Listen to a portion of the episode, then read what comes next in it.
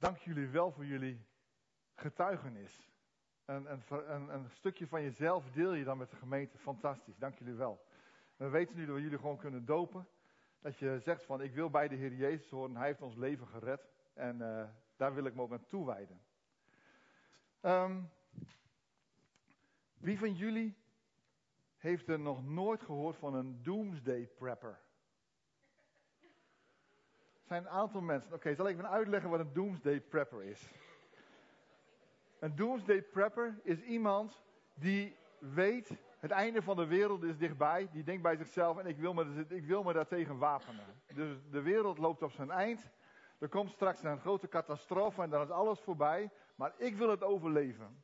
En hoe doen ze dat?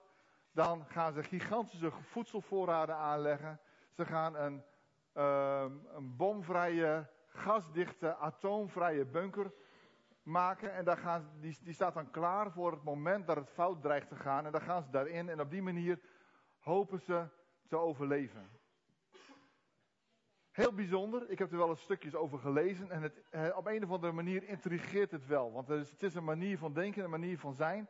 Maar moet je je voorstellen, uh, ik weet niet, is, is er hier iemand onder ons die op deze manier ermee bezig is?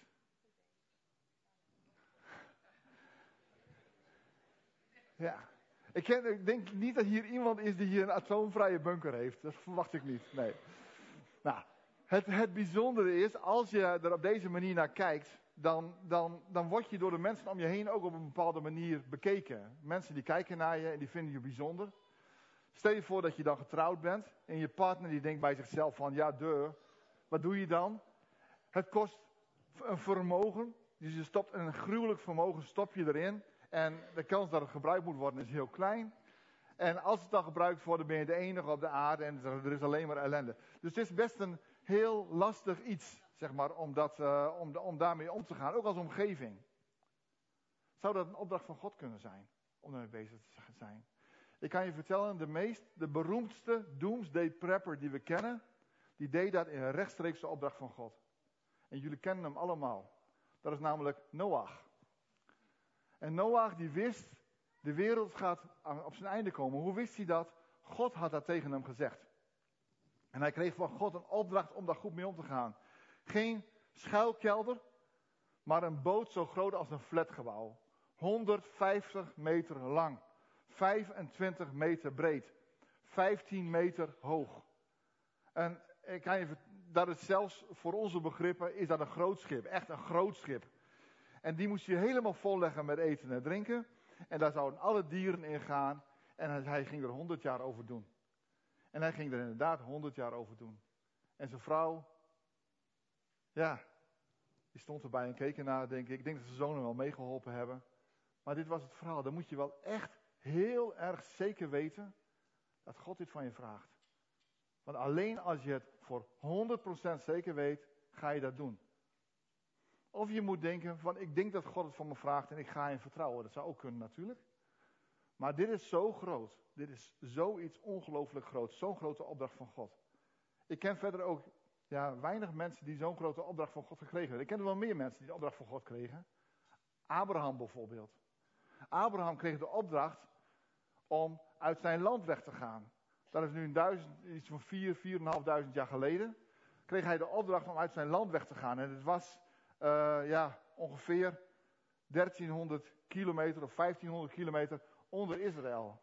En hij had geen idee waarheen. God gaf hem de opdracht: ga uit je land. Ga uit de plek waar je geboren bent weg. Ga bij je familie vandaan. En ga naar het land waar ik je wijzen zal. Waar moet er heen, God? Ja, dat ga je wel zien. En hij ging weg. Hij ging. Hij wist zeker, het is God die dit van me vraagt. En hij ging. En hij ging lopen. Geen WhatsApp. Geen telefoon. Geen brieven. Misschien een keer een, uh, een, een, karavaan die ook die kant op ging. Die hij zegt, doe ze de groeten van me. Maar veel meer zou het niet zijn geweest. Grote opdracht van God. Er zijn eigenlijk in de wereldgeschiedenis maar een aantal mensen die zo'n grote opdracht van God gekregen hebben. Er zijn wel mensen die kleinere opdrachten gekregen hebben van God. Ik lees even een klein stukje voor uit het Bijbelboek Jozua. Moest bij het papiertje zijn, niet bij het touwtje. Jozua 5. En daar staat, en het gebeurde toen Jozua bij Jericho was, eventjes de context, um, het volk Israël was vanuit Egypte, met allemaal wonderen en hele bijzondere dingen, waren ze door de woestijn gegaan en uiteindelijk aangekomen in het beloofde land. Ze waren de Jordaan overgestoken en ze waren op de plek gekomen waar ze moesten zijn. Maar dan, dan is het nog niet hun land. En hoe ga je dan mee verder? God had hun het land beloofd. En Josia die wist het niet. Hij was alleen. Hij was generaal van het leger. Hij was de, de belangrijkste uh, militair van het leger. En hij liep daar op een gegeven moment alleen. En het gebeurde toen Josia bij Jericho was, dat hij zijn ogen opsloeg en zag. En zie, er stond een man voor hem met een getrokken zwaard in zijn hand. Josia ging naar hem toe en zei tegen hem: Hoort u bij ons of bij onze tegenstanders? Hij zei: Nee. Bijzonder antwoord. Maar ik ben de bevelhebber van het leger van de Heer. Nu ben ik gekomen.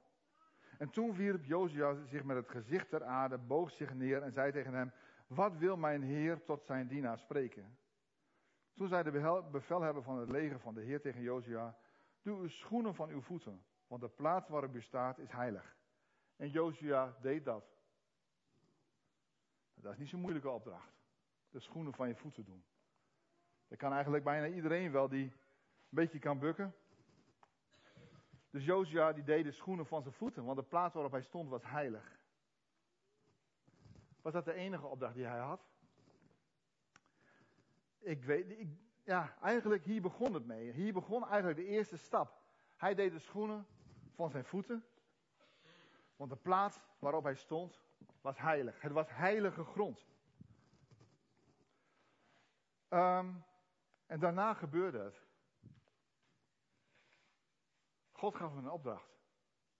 En niet een kleine opdracht, maar een hele grote opdracht. Hij zei tegen hem van, Josia, ik wil dat jij op mijn manier het land gaat veroveren. En dat was een andere manier als wat een militair in gedachten zou hebben. Doe je schoenen van je voeten, een kleine, kleine opdracht. Maar de rest was heel groot. Dat was eerder gebeurd. Ongeveer 40 jaar daarvoor. 42 jaar daarvoor. Toen was Mozes in de woestijn. En Mozes die kreeg precies dezelfde opdracht. Doe de schoenen van je voeten, want de plaats waarop je staat is heilig. Nou, dat stukje kon hij nog wel. Dat stukje wilde hij nog wel. En hij deed dat. Hij deed de schoenen uit. Want de plaats waarop hij stond was heilig. En toen kwam God met een opdracht aan hem. En hij zei eigenlijk van, daar kan ik helemaal niks mee. Dat is niet mijn gave. Dat is niet wat ik kan. Ik kan niet een land uit, uit Egypte of een volk uit Egypte leiden en naar het land Canaan brengen. Dat kan ik niet. Ik kan niet praten. Ik ben hier slecht in. En elke keer kwam God met een reactie van, nou jij kunt het wel, ik zal met je zijn. Ik stuur je broer. En hij bleef maar gewoon tegenaan hikken. Er tegenaan hikken. Uiteindelijk zei God tegen hem van, nu word ik boos op je, je gaat het gewoon doen. En toen ging hij. Hij was gehoorzaam. Doe je schoenen van je voeten. Het is maar zoiets kleins. Maar het betekent wat. Wat betekent het bij Jozua? Bij Jozua betekende het dat hij zei: U bent de generaal van het hemelse leger. Ik ben de generaal van het leger van Israël. Wij scharen ons onder u. En wij gaan precies doen wat u van ons vraagt. Dat is eigenlijk wat hier gebeurde. Door die ene persoon, die ene Jozua, die generaal was en die zich onder een andere militair schade. Daarmee schade hij het hele leger onder het gezag van God. Heel erg groot. Een heel klein stapje, maar een hele grote opdracht. We zien wel meer mensen die een opdracht krijgen. En sommige opdrachten die zijn eenvoudig en die blijven eenvoudig. Dat gebeurt ook. Als je kijkt naar een zekere Naaman. Naaman die was, um, dat was ook een generaal. En Naaman die was ziek, hij was doodziek, hij had lepra. Melaats, zoals het in de Bijbel staat. Huidvraat wordt ook wel genoemd. Maar er was een, een, een, ziekte waardoor je op een gegeven moment helemaal niet meer kon functioneren. En uiteindelijk stierven de mensen daar ook aan. Hij was een hele begaafde generaal, een hele goeie. En als generaal had hij ook mensen meegenomen uit verschillende landen. En er was een meisje bij hem thuis uit het land Israël. Die zei tegen hem, in Israël woont een profeet. En als je daar naartoe gaat, dan word je weer beter. En hij ging naar de koning toe en hij zei, ik wil naar Israël toe, naar die profeet. En hij ging er naartoe, een heel lang verhaal kort. Hij komt daar voor de deur met zijn grote Rolls Royce, ga ik maar vanuit. En hij blijft, hij blijft gewoon achterin zitten tot, ja, tot hij door heeft wat er gebeurt. Wat gebeurt er? De deur gaat open. Er komt een slaaf naar buiten en die zegt tegen hem van... Uh, meneer, zeven keer onderdompelen in de Jordaan. En hij gaat weer naar binnen. En die man die voelde zich zwaar, zwaar, zwaar beledigd. Hij dacht van, ja, dit is geen manier van doen. Ik ben een voorname man. Op deze manier word ik niet behandeld. Ik wil dat de profeet op zijn minst zelf naar buiten komt. En dat hij gaat kijken wat er aan mij mankeert. En, en, en dat hij mij dan gaat genezen. Zeven keer onderdompelen in de Jordaan. Wij hebben hier een hartstikke mooie rivier in ons eigen land. Dat al Jordaantje, daar ga ik echt niet in. Toen zeiden de knechten tegen hem, zijn chauffeur stel ik me dan voor, die zei tegen hem van, maar als het nou iets heel moeilijks was, was wat van u gevraagd was, echt heel moeilijk, dan zou u het wel gedaan hebben. En nu is dit zo simpel, zoiets eenvoudigs. En nu doet u het niet omdat u beledigd bent. Dit is toch een opdracht om beter te worden. Dat is de enige reden dat die opdracht wordt verteld, om beter te worden. En hij ging naar de rivier Jordaan. Hij dompelde zich zeven keer onder. En bij de zevende keer kwam hij volledig gezond weer boven water. Een opdracht van God. Als God je een opdracht geeft, kun je maar beter, kun je beter gehoorzaam zijn. Dan zagen we Noach. Zagen we later aan Abraham. Dat is een heel verhaal wat erbij zit. Zagen we later ook aan Joshua, die zich onderwierp aan, aan God. We zagen dat aan Mozes, maar we zien het ook aan deze Naaman. In Jeruzalem leefde ongeveer 2000 jaar geleden een man en die was blind. Hij had nog nooit kunnen zien. Hij was blind geboren. En deze blindgeborene die kende Jezus niet. Maar de Heer Jezus die kende hem wel. Die komt naar hem toe. En hij heeft, had een gesprek met zijn discipelen. En op een gegeven moment spuugt hij op de grond. En hij maakt blubber van de spuug en, de, en het zand wat op de grond. Hij pakt het van de grond af en hij smeert het op de ogen van die man. Echt heel vies. In elk geval, dat is, ik, bedoel, ik bedoel het niet onerbiedig, maar het lijkt mij heel smerig. En hij zegt tegen deze man, ik wil dat je je nu gaat wassen in het badwater van Siloam. Nou, dat was binnen Jeruzalem, dus dat was niet zo heel erg ver. Hij moest wel een stukje naar beneden daarvoor, maar het, dat, waar hij precies in Jeruzalem was, weet ik niet. Maar het zal nooit zo heel ver geweest zijn. Die man kon kiezen. Ja, die man, hij heeft op mijn gezicht, hij heeft gespuugd, hij heeft het op mijn gezicht gesmeerd. Hij voelt zich, ik voel me beledigd. Is er hier niet iemand met water of anders smeer ik het zo wel af? Hij deed precies wat de Heer Jezus zei. Hij ging zich wassen in het badwater van Siloam. En hij, was, hij kon weer zien. Als God je een opdracht geeft, kun je maar beter luisteren. Nu waren er een heleboel mensen in Jeruzalem, duizenden, met Pinkster. En ze luisterden allemaal naar Petrus, wat hij vertelde. En Petrus die vertelde, Jezus Christus is gekruisigd. Veel van jullie hebben het gezien, hij hing aan het kruis. En hij hing aan dat kruis om ons te redden. Om de dingen die wij verkeerd hebben gedaan. Als je hier zit en je denkt bij jezelf: ja, dit is niks voor mij, deze kerk, want ik ben daar veel te slecht voor. Dan is Jezus voor jou gekruisigd. Dan is Jezus voor u gekruisigd. En die heeft dat slechte op zich genomen. En deze mensen die voelden zich dubbel slecht, want zij wisten ook: wij hebben deze Jezus doodgemaakt. Die hebben wij aan het kruis gehangen. Hebben wij laten kruisigen. En ze voelden zich zo beroerd. En ze zeiden tegen Petrus en tegen de mensen die er stonden: Mannen, broeders, wat moeten we doen? En de opdracht was heel eenvoudig. Bekeer je en laat je dopen. Water was overal wel. En die dag werden er 3000 mensen gedoopt. Bekeer je en laat je dopen. Een klein stapje. Ik kan zo in het water stappen. Ik doe het nu niet, want ik heb een microfoon op me zitten. Dus ik ga nu niet in het water staan. Maar het is een heel klein stapje om daarin te stappen en om nat te worden. Als ik ga zwemmen, dan ga ik kopje onder. Dat doe er zijn zoveel mensen van ons die gewoon vaak kopje onder gaan. Helemaal niet ingewikkeld. En de opdracht is, laat je dopen. En dopen betekent gewoon onderdompelen. Dus laat je onderdompelen. Niet, niet dompel jezelf onder, maar laat je onderdompelen. En u zult de gave van de Heilige Geest ontvangen, staat erbij. Hele kleine opdracht. Als God je een opdracht geeft, kun je maar beter luisteren. In Galaten 3, daar staat, want u allen die in Christus gedoopt bent, hebt zich met Christus bekleed. Daarbij is het niet van belang dat men Jood is of Griek. Daarbij is het niet van belang dat men slaaf is of vrije. Daar, daarbij is het niet van belang of men man is of vrouw. Want alle bent u één in Christus Jezus. En als u van Christus bent, dan bent u Abrahams nageslacht en overeenkomstig de belofte erfgenamen. Begin even aan het einde van dit stukje. Abrahams nageslacht en overeenkomstig de belofte erfgenamen. Weet je wat de belofte aan Abraham was? God zei tegen Abraham: Ga uit uw land en uit uw maagschap en uit uw vaders huis naar het land dat ik u wijzen zal. Ik zal u tot een groot volk maken en u zult tot een zegen zijn. Ik zal zegenen wie u zegent en wie u vervloekt zal ik vervloeken. En in u zullen alle geslachten van de aardbodem gezegend zijn. Dus wat gebeurt er? Gods grote zegen voor de hele aarde. Daarmee, daarvan word jij een erfgenaam. En wat is Gods zegen voor de hele aarde? Dat Hij ja, het goede voor ons heeft. Hij wil het goede voor jou, voor mij, voor ons allemaal. Hij wil het goede.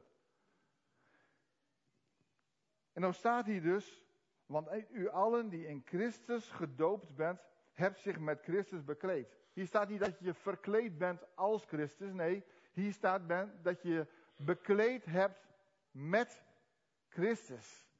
En dat betekent, als je gedoopt wordt, dan word je een stukje Jezus. Je wordt een stukje Jezus. Wij met z'n allen zijn het lichaam van de Heer Jezus. Iedereen die bij de Heer Jezus wil horen en die zich laat dopen, hoort bij het lichaam van de Heer Jezus. Dat staat hier. U allen die in Christus gedoopt bent, hebt zich bekleed, hebt zich met Christus bekleed.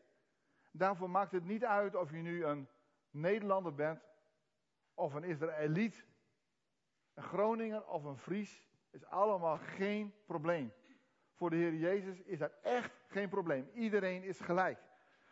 Het maakt niet uit of je een werknemer bent of een werkgever. Of je stinkend rijk bent of dat je geen geld hebt om eten te kopen. Voor de Heer Jezus maakt dat niet uit. Iedereen is even belangrijk. Het maakt niet uit of je een man of een vrouw bent. Mannen en vrouwen zijn verschillend, hebben verschillende eigenschappen, zien er verschillend uit. Maar voor de Heer Jezus ben je net zo belangrijk. Als jij je laat dopen, word je een stukje Jezus. Want allen bent u één in Christus Jezus.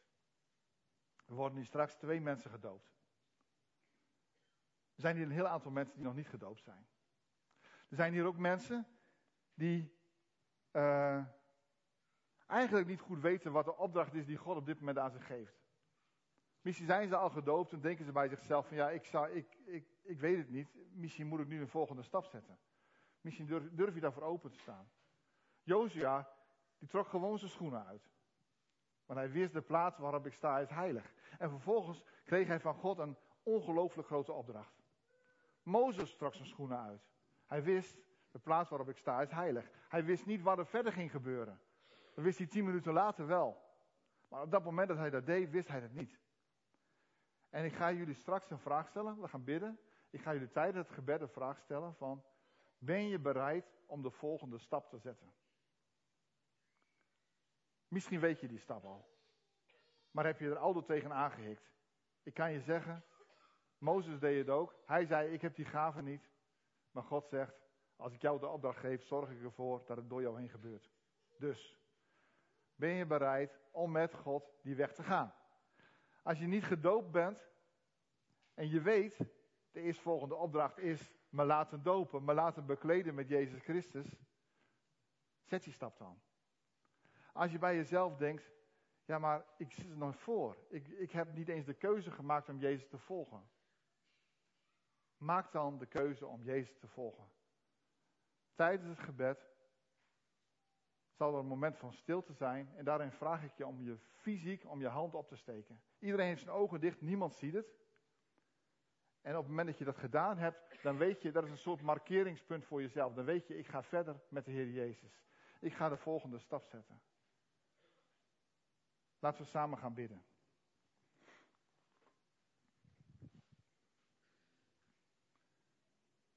Heere God, u weet precies wat goed is voor ons. U hebt ons gemaakt en aan elkaar gegeven. En we mogen hier nu bij elkaar zitten in dit gebouw. En Heer, hebt u niet voor niks gedaan. U hebt daar een bedoeling mee.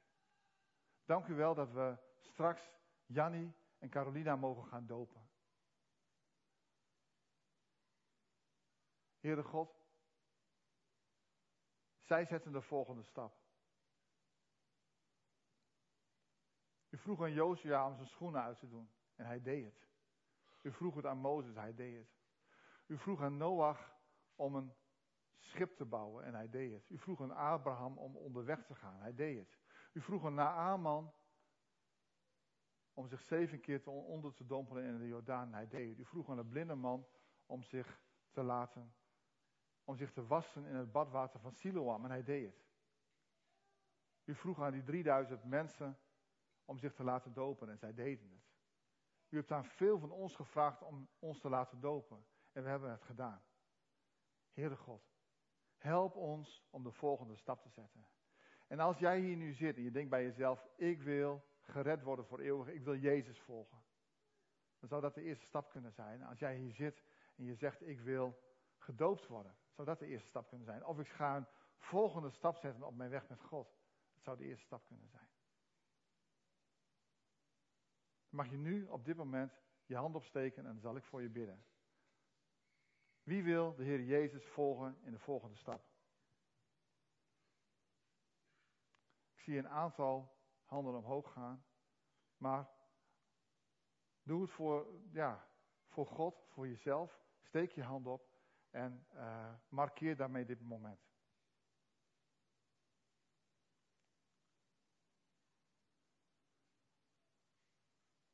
Heere God, u hebt handen gezien. U hebt harten gezien. U weet, Heer, dat een aantal mensen de volgende stap willen zetten met u. Sommigen weten dan wat het is, anderen nog niet. Heer, en u hebt beloofd dat u bij ons zult zijn, dat u met ons mee zult gaan. En we bidden u, Heer, ga met ons mee, onderweg, om discipelen van u te zijn, om te leren van u, om leerlingen van uw Zoon Jezus Christus te zijn. Dank u wel dat u voor ons uitgaat en dat u ook stand houdt achter ons. U gaat voor ons uit zodat we u kunnen volgen en u beschermt ons, Heer. Daarvoor bedanken we u. Ik bid u voor al deze mensen. Help hen, Heer, om de volgende stap te zetten met elkaar. Maar vooral met u. Dank u wel, Heer Jezus, dat u voor ons gestorven bent. Dat u, door, dat u door uw dood de weg naar de Vader vrijgemaakt hebt. Dat we gewoon bij God mogen horen. We eren u en we aanbidden u. Halleluja. Amen.